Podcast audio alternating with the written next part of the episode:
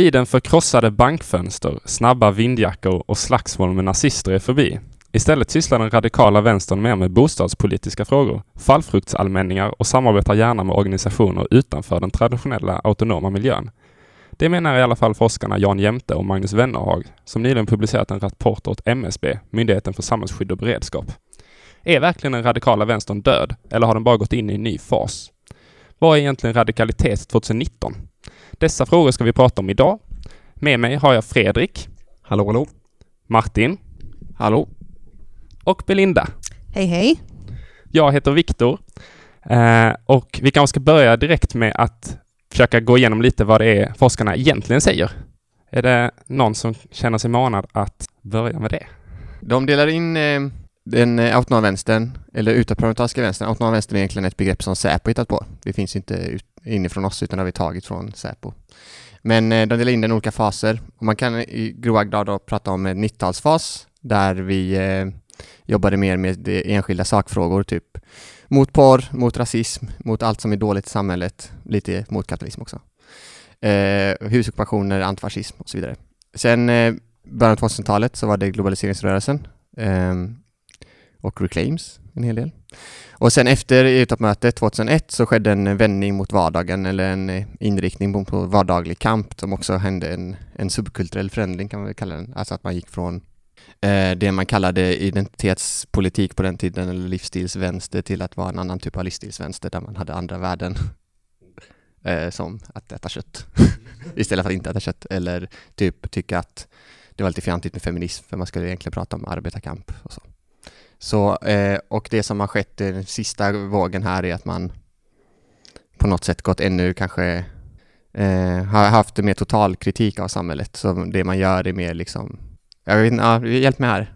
Svårt för beskriva den sista att, fasen. Att, den sista fasen är väl någon slags att man eh, har ett bredare grepp och eh, och försöker liksom eh, vara en vänster i samhället på ett sätt man inte varit innan. Att man eh, istället för att exkludera sig till en liten speciell grupp som sitter på ett speciellt ställe som det finns vissa intagningskrav för att gå med i så försöker man istället aktivt uppsöka liksom, samhället kan man väl säga. Ja, precis. Eller för Petter Larsson i Aftonbladet skrev också lite om den här artikeln häromdagen och pratade då bland annat om att den här sista fasen då har eh, inneburit en passivisering av vänstern, alltså minskat politiskt våld eh, och även minskad aktivitet generellt. Säger vi, vad skulle man säga, är det någonting man håller med om? Ja. nej, säger jag då. jag säger nej. Jag tycker inte att det är en passivisering nödvändigtvis. Men det känns skönt att ha lite polemik också. Jag kan inte bara sitta och hålla med hela tiden.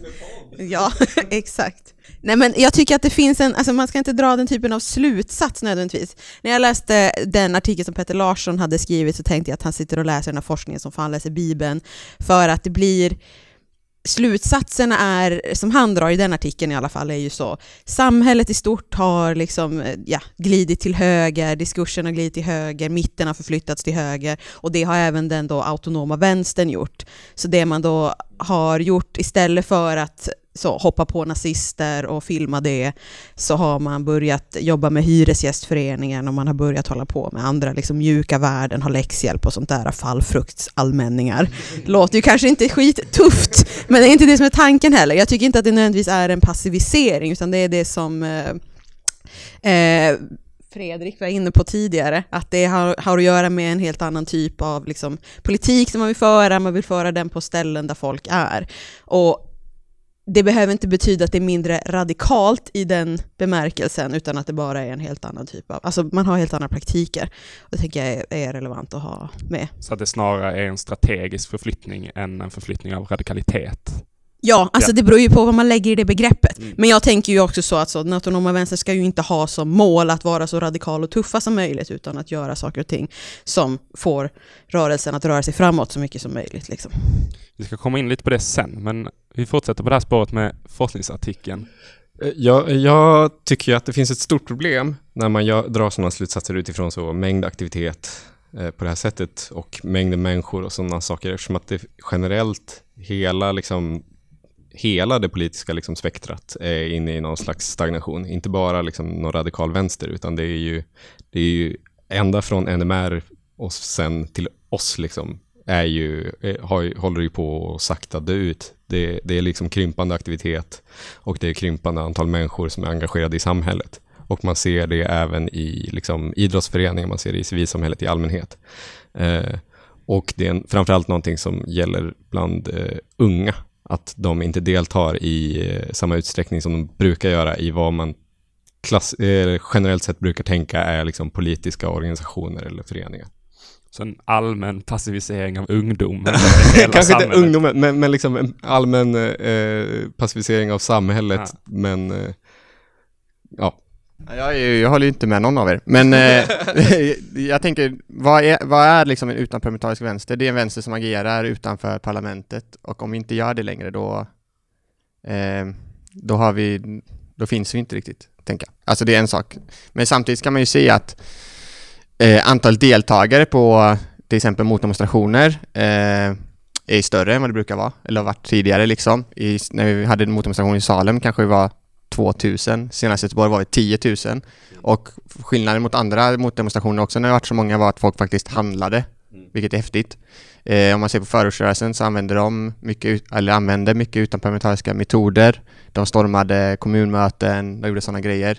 Eh, om vi ser på BB-ockupationen så ockuperade de ett BB, eh, afghanska ungdomar som ockuperar sådär. Så de metoderna har ju generaliserats men det är klart att en rörelse som bygger på en gatunärvaro där man bryter liksom någon form av legalitetsgräns hela tiden, om man inte gör det längre, då har man ju blivit mer passiv och mindre radikal. Alltså om man... För den utomparlamentariska vänstern är ju egentligen bara inte så mycket en ideologisk rörelse som Säpo då vill få det till att kalla autonom vänster, utan det är ju mer bara en samling grupper som har valt att agera utanför ett parlament mm. på olika sätt. Och jag, och jag tänker att det kanske är något jag kan tycka är bra med den här utvecklingen, att vi har blivit mer ideologiska. Mm. Men, men, jag tror att du eh, innefattar för många i den utomparlamentariska vänstern. För jag tror inte att om man frågar förortsrörelsen eller om man frågar afghanerna som sitter på Mynttorget, var det var, eh, så kommer inte de säga att de är autonoma. Liksom.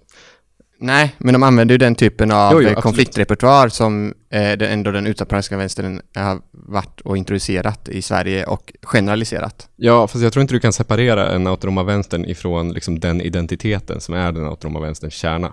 Alltså, autonoma vänstern är inte en samling praktiker ens, autonoma vänstern är en liten kultur. Ja, precis. Och också i den här artikeln så skiljer de ju verkligen på precis det som du säger Martin också, att de säger att ur de här ur den här traditionen av den radikala vänstern eller den utomparlamentariska vänstern så har ju då nya rörelser vuxit fram. Mm. så att de innefattas ju egentligen inte, åtminstone inte av den här forskningen, eh, utan klassas då som en, som en annan gren, en annan rörelse. Mm. Nej men någonting som jag tänkte på var ju framförallt att det är en, det, har ju, det är liksom ingenting som bara har hänt heller. Det är inte bara så att saker och ting har gått åt skogen eller har blivit bättre, om man nu liksom vill, vad man nu vill lägga för värdering i det. Utan det är ju någonting som har skett liksom successivt och det är någonting som vi har diskuterat väldigt mycket. Och jag tänker att efter att man har, liksom, jag har suttit med framförallt den här sista perioden då på möten och när vi har diskuterat hur man ska hantera saker och ting, hur man hanterar sin liksom, relation till vi kommer från en antifascistisk gaturörelse, hur förvaltar vi det arvet, på vilket sätt vill vi göra det? Så är ju typ det mest, en av de mest liksom relevanta diskussionerna som vi har haft är ju som mellan massa och militans. Det har ju varit återkommande gång på gång på gång. Hur ska vi hantera som, som ni säger, de här typen av motdemonstrationer. Vi vill, vara, vi vill hellre vara många nu istället för att vara få.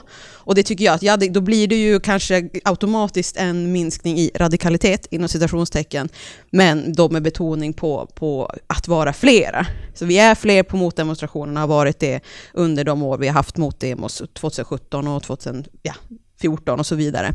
Så har det varit väldigt många. Så jag tänker att det här är ju lite som ni är inne på också ett sätt att, att eh, sprida saker och ting till flera grupper av människor och också göra att fler personer känner sig manade att delta.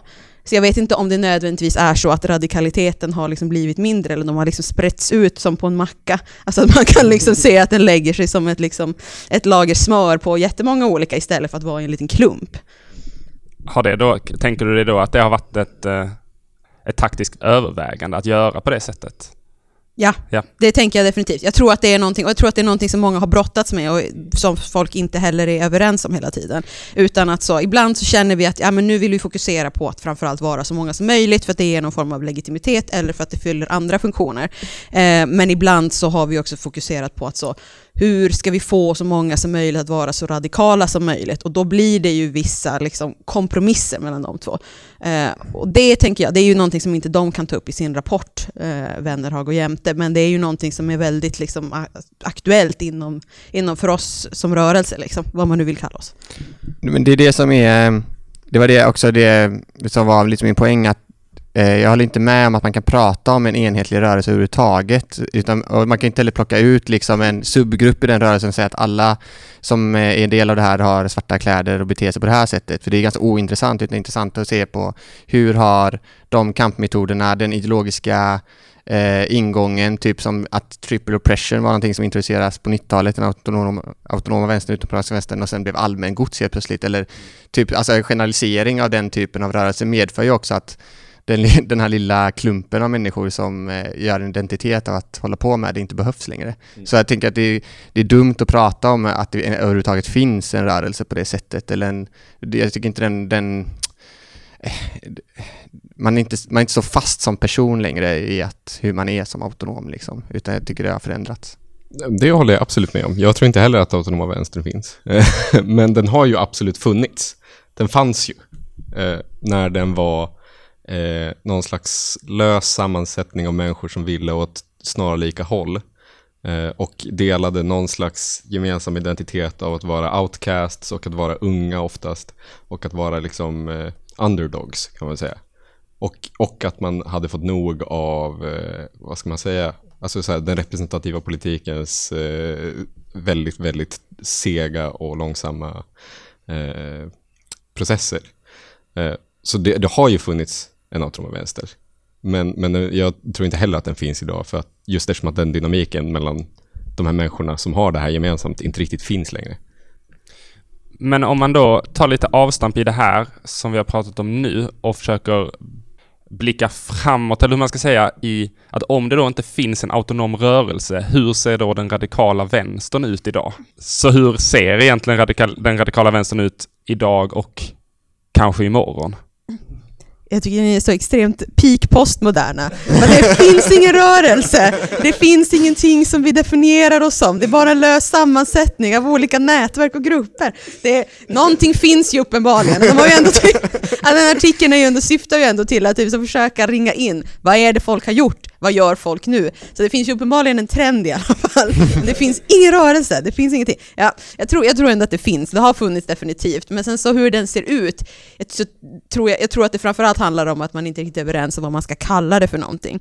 Jag tycker, jag tänker att det blir mycket en identitetsgrej, man är typ så jag är inte en autonom vänsteraktivist, för jag går inte runt med en Helly Hansen-jacka och tuffa glasögon och snusduk och kastar, ja, vad man nu kastar, ammoniakballonger har jag hört.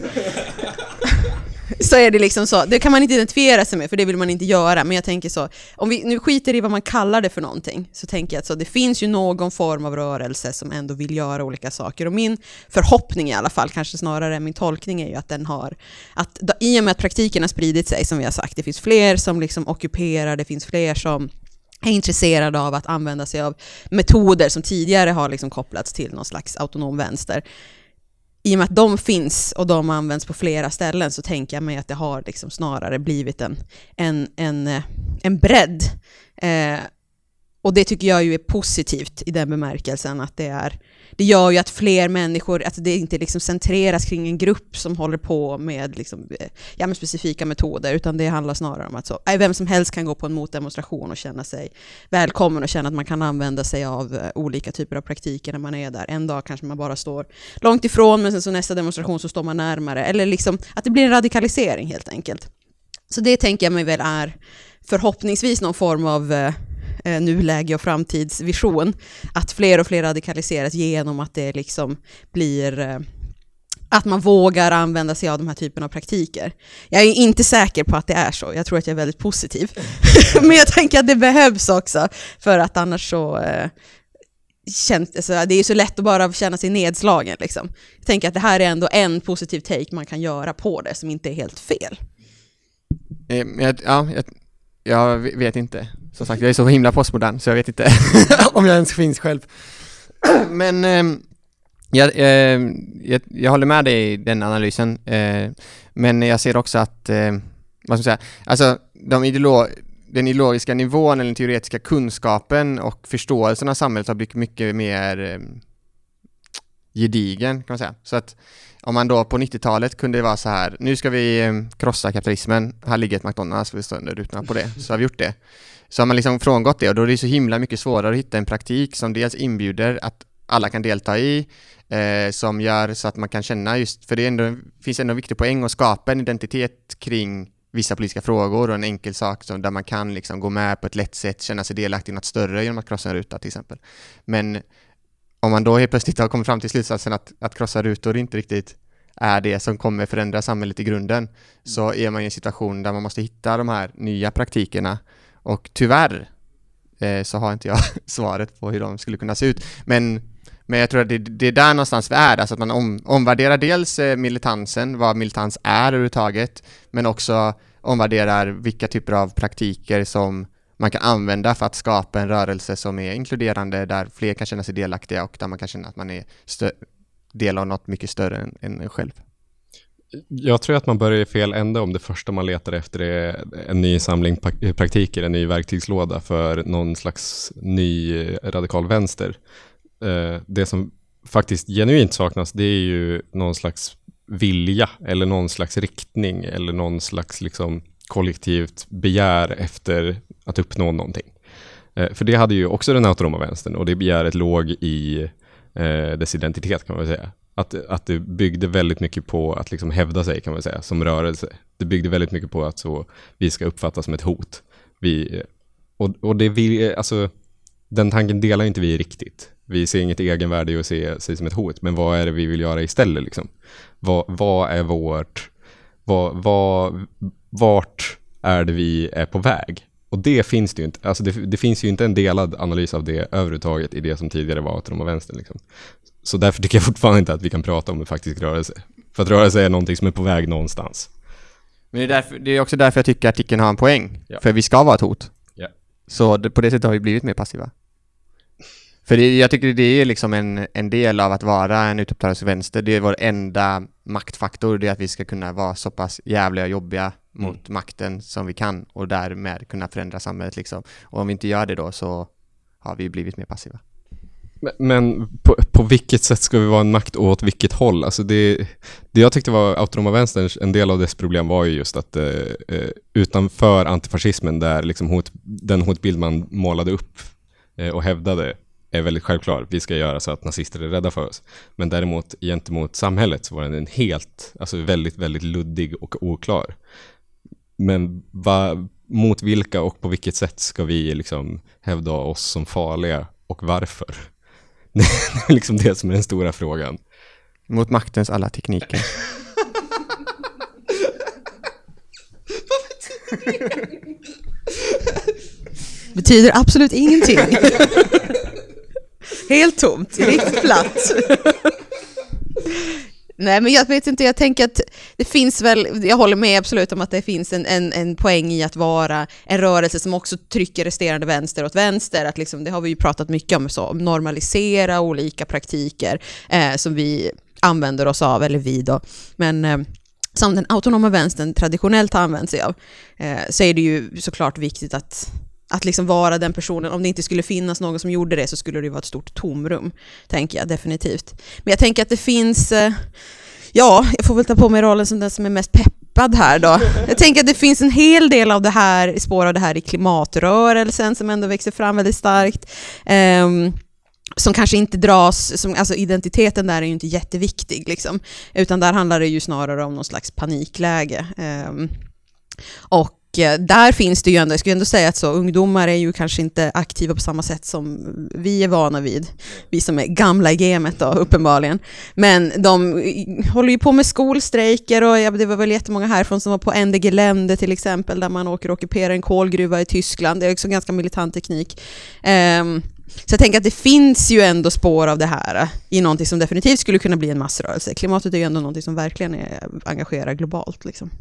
Jag tror också mycket på det, att problemet med att förstå vart saker är på väg är att man liksom inte riktigt har verktygen för att förstå. Att, att vi kan inte se eh, de grupperna som gör saker för att de passar inte riktigt in i hur vi tänker kring saker.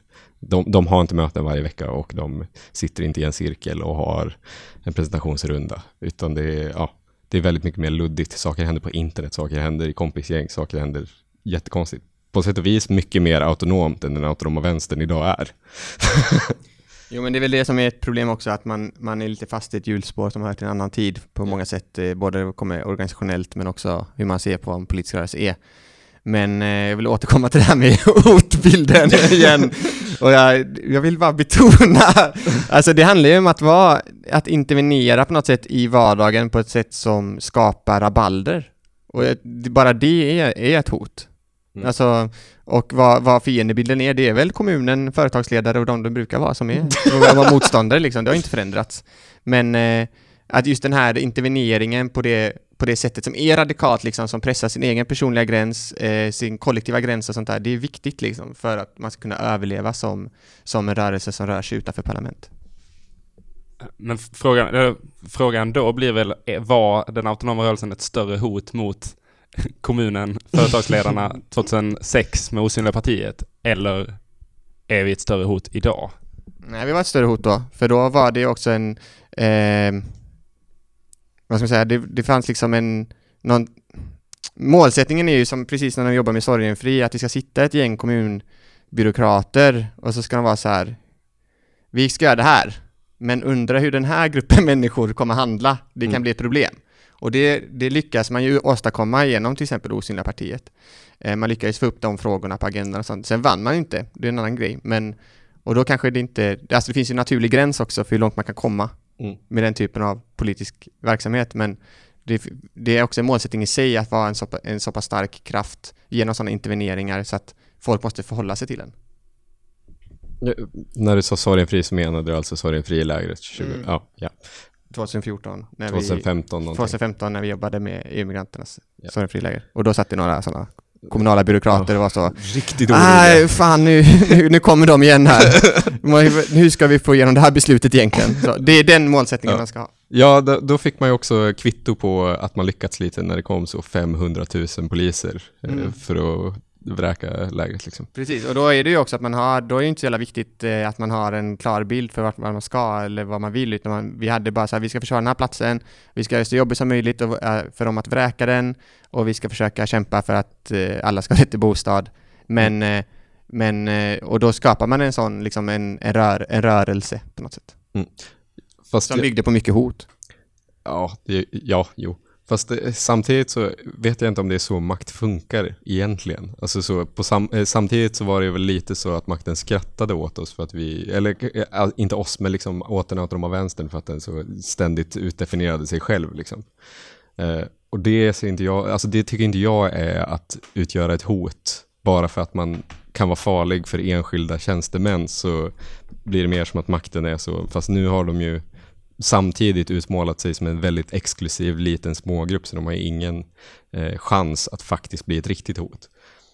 Och, och, jag tror att de två hänger ihop väldigt mycket. Att man, inte kan, man kan inte utgöra ett så massivt hot mot, eller så man kan inte vara så läskig utan att också exkludera sig. Eller det är en motsättning i alla fall. Man kan säkert, men det är en motsättning. Man måste börja någonstans.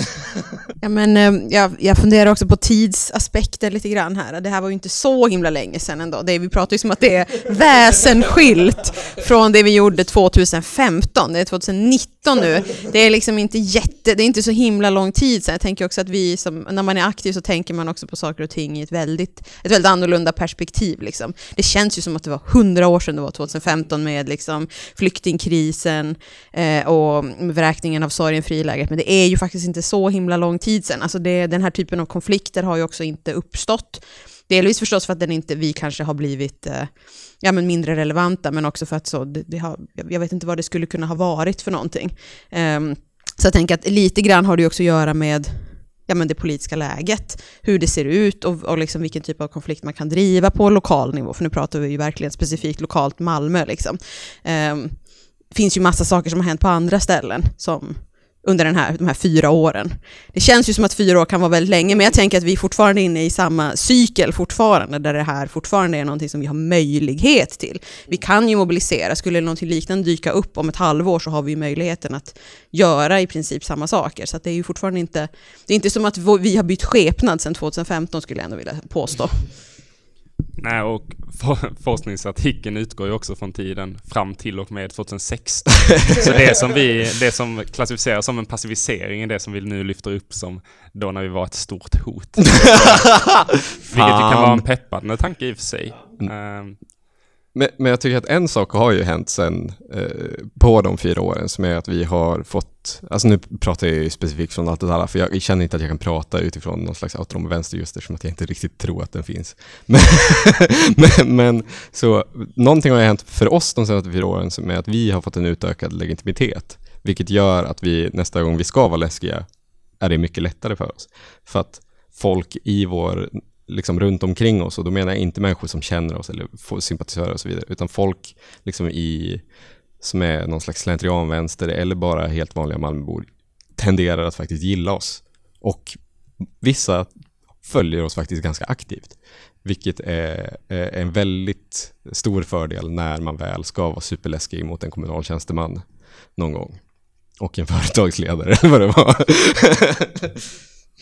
Polisen också.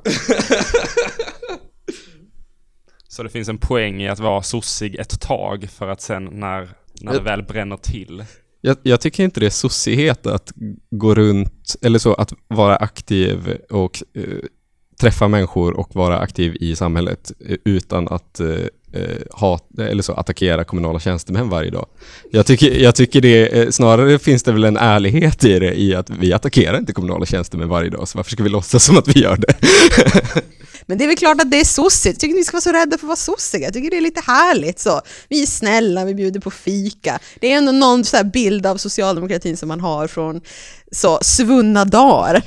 Ja men den här bilden socialdemokratin som byggde Sverige. Jag tycker att det är ett fiendeligt arv att så. Jag tycker, kan, jag tycker vi kan vara stolta över att vi både har det arvet att förvalta och arvet att så spöa nazister. Jag tycker det är väldigt bra. Jag tycker det är en härlig eh, kombination av grejer. Så det behöver vi inte vara så himla oroliga för.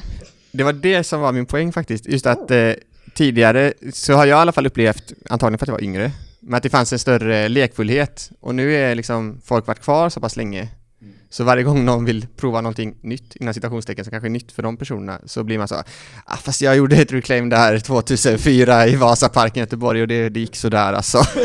alltså att det finns en sån inställning också som jag tror är rätt farlig, att man inte tillåts liksom eh, testa gränser, leka lite med olika politiska verktyg och praktiker och sådär, utan att det blir lätt att man är mer, eh, det finns ett jättefint ord eh, som eh, är så här strömlinjeformad politisk praktik och jag tror det, det är en fara. Och det har ju med att folk tyvärr stannar kvar längre. Alltså innan så var det så här, när jag blev aktiv när jag var 16 år, då fanns det en person som var över 25. Mm. Nu är det tvärtom. Mm. Så jag menar, det, den förskjutningen har lett också till att folk har blivit lite tröttare i mm. inställning mm. till vad som är politiskt möjligt att göra och inte göra. Och det tänker jag, det är en fara liksom med, med den så kallade sossigheten eller med att ha en politisk strategi och taktik överhuvudtaget. Att man liksom eh, de här gnistorna släcks väldigt snabbt. Men sen är det väl också en brist på gnistor också liksom. Det är ju inte bara att de släcks utan det är väl också att de gnistor som finns är bara så Nej, inte bara, men, men det är väldigt ofta så att man ritualiserar kring någonting som man när man var 16 läste om att en grupp eh, människor som nu är 32 gjorde och man kände wow, coolt. Men också 32-åringar som känner eh, när jag var 16 gjorde jag det här och det var så jävla gött. För det var det liksom, allting var riktigt fett i den autonoma vänstern när man var med i den när man var ung. Det var riktigt coolt liksom. Eh, men man kan liksom inte bara återuppliva den känslan för att den känslan finns liksom inte längre jag håller ju med om att man ska experimentera mycket mer, men jag tycker inte man ska experimentera i saker som redan gjorts. Ja, men det var bra att du gjorde ett eh, extremt bra exempel på det jag menar. Att, att släcka gnistor? ja, precis. ja, men vad fan. Men, ja. vad, man kan, vad man kanske kan säga, som vi har varit inne och pratat om lite, är väl kanske att gnistorna bara slår lite utanför vår rörelse, så som mm. Belinda var inne och pratade om. Exakt. Att om man har spridit ut de gnistorna till att liksom fatta eld även på platser där vi inte brukar vara. Eller jag mm. tänker till exempel miljörörelsen i eh, Europa som är superstor. Um, och där det verkligen, som det verkligen slår gnista om där mm. eh, grävmaskiner i kolkraftverk är blockerade mer eller mindre varje dag i olika mm. gruvor runt om i Europa och där riktigt stora massaktioner äger rum. Där det har dessutom spridit sig till att alla länder har någon egen form av sådana här klimatläger där man har mm. en, en massa aktion. Vi har Folk mot fossilgas i Göteborg i september i Sverige till exempel. Mm. Eh, så jag tänker att man ska nog inte heller vara så att man tycker att gnistorna bara släcks utan bara kanske att vi helt enkelt inte ser dem. Eller så. Är det en alltför jag tror att det är risken, precis som ni sa tidigare, att så, vi, vi börjar bli lite för gamla, vi som sitter här kanske. Kanske är det dags att börja inse det, att man kanske ska börja avveckla lite grann, avveckla sig själv. Kanske inte jag som har de bästa idéerna hela tiden, även om jag har mycket tankar om grejer så kan jag vara typ så, äh, jag vet inte om mina idéer är så bra. Och jag håller verkligen med om att typ så, jag tycker man ska uppmuntra det som folk vill testa på. Men om det kommer från en grupp som är typ så, men det här gjorde jag 2002 och det var skitbra, så nej, det, nej. Ingen nostalgi. Jag tror nostalgi också är typ så extremt dåligt, både individuellt och, och inför rörelsen. Jag tror inte man ska hålla på liksom eh, trona på fornstora dagar och vara typ så, det här var så himla roligt då, det här funkade så bra då. För det är inte, alltså politiska läget ser inte ut som det gjorde under början av 2000-talet. Eh, man kan inte få med sig folk genom att säga så, jag har gjort så här en gång och det var skitkul. Så absolut ingen nostalgi och typ lyssna på ungdomarna. Det är mitt, som en vis gammal gummas råd. Det är bara som bevis på stagnation, ja. för så fort man bara pratar om att man ska lyssna på ungdomar, vart är ungdomar och sånt, så vet man att någonting håller på att dö. Hade kunnat vara PRO-möte. Men ja, men är inte det också en liten tendens inom den autonoma vänstern att det känns som att det är mindre, eller som du, alltså återväxten är mindre. Mm. Och då, även om det är så att det finns en allmän tendens som att ungdomar engagerar sig mindre politiskt eller att det finns en sån generell politisk stagnation, så någonstans tar de ju vägen yeah. politiskt intresserade ungdomar liksom. Ja, samtidigt så om man kollar då, om vi utgår från det väldigt partikulära lokala, eh, alltså vår lokalgrupp, så kan man ju säga att vi får ganska mycket nya människor, bara att åldern har förskjutits lite uppåt. Mm. Och det tror jag är en tendens, alltså det är en ganska positiv tendens för som sagt när man var yngre, även i andra subkulturer eller kulturer man en del av så tenderar ju folk att försvinna direkt efter de är 25 och den, den tendensen är borta och det är ganska intressant. Alltså att folk är engagerade längre, eh, man är med i ganska radikala saker längre, man åker på en motdemo och är beredd att ta de här straffen liksom, eller man deltar på saker och är beredd trots att man är över 30. Och det är ganska, det är något nytt och ganska intressant fenomen. Och sen tror jag inte heller man ska vara så rädd för ritualer. för det är bra för att skapa rörelse. Jag tänker på Tyskland, den autonoma vänstern i Tyskland, när man har varit där på besök, vilket jag varit ett gäng gånger, då är det ju folk som är typ så, man blir ju chockad när man går på konferenser och demos där och bara oj, folk är ju så 50 här. För de har ju haft en liksom autonom, inom citationstecken, rörelse mycket längre än vad vi har haft och då har den ju liksom hunnit bli, alltså då har ju folk hunnit bli äldre. Det kanske inte är 50-åringarna som är de mest drivande, men de går ju och är aktiva på grejer och man själv tycker man att det är skithäftigt och bara shit, man kan göra sånt här äh, trots att man inte är ja, men i, mellan 20 och 30 liksom. Så att jag tänker att det kanske är helt enkelt så vi är på väg in i det tyska exemplet. Det är vi som är de nya 50-åringarna. Det är inte helt omöjligt.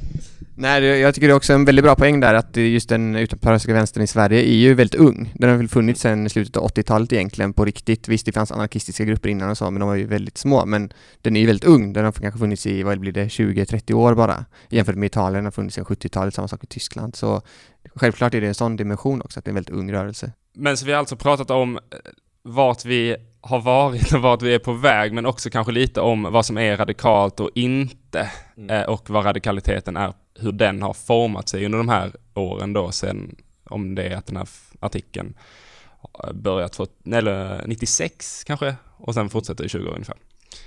Um, så att man kan se förändrad aktivitet, men vi håller kanske inte, eller vi håller kanske inte riktigt med om att det är en passivisering eh, i radikalitet på det sättet som artikelförfattarna lyfter fram. Är det en hygglig sammanfattning av samtalet? Eller vi har haft lite olika åsikter också förstås. Eh, huvudpoängen är väl mest att radikaliteten har bretts ut på en macka som smör Precis, och sen så har vi varit oense om huruvida det överhuvudtaget finns en autonom vänster. Är det här ens någonting vi kan prata om? Det är som att autonoma vänstern är lite som jultomten, så om man tror på den så finns den. När man är ung. Ja, och när man är ung då finns den definitivt och när man är gammal då ser den annorlunda ut. Vi får se om Jan Jämte och Magnus Wennerhag kommer, om de ens kommer till den fjärde fasen i sin forskning, eller om det bara blir ett tomt blad.